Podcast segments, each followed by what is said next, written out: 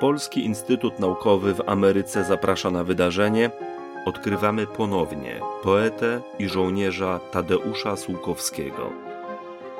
Pragniemy przybliżyć Państwu wybrane archiwalne materiały przechowywane w kolekcjach Piasa w Nowym Jorku i będące polskim dziedzictwem kulturowym na obczyźnie.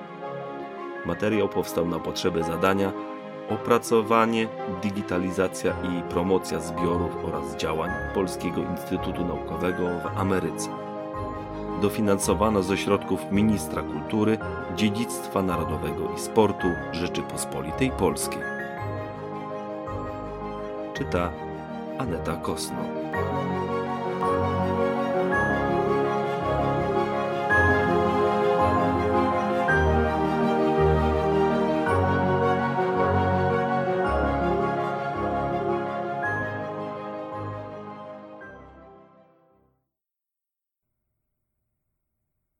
Dwudziesty siódmy maja tysiąc dziewięćset czterdzieści siedem.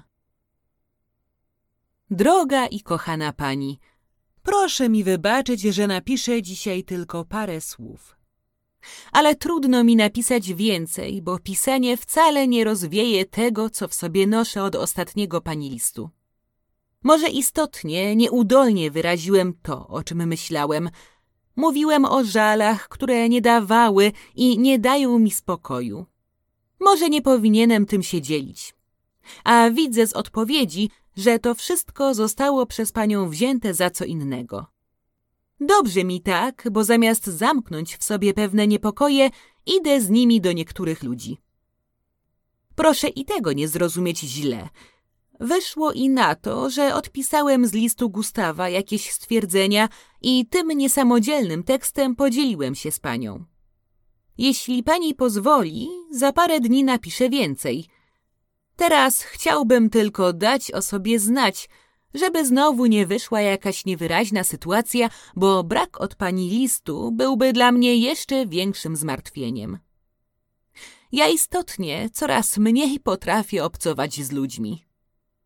Proszę przyjąć najserdeczniejsze pozdrowienia. Tadeusz.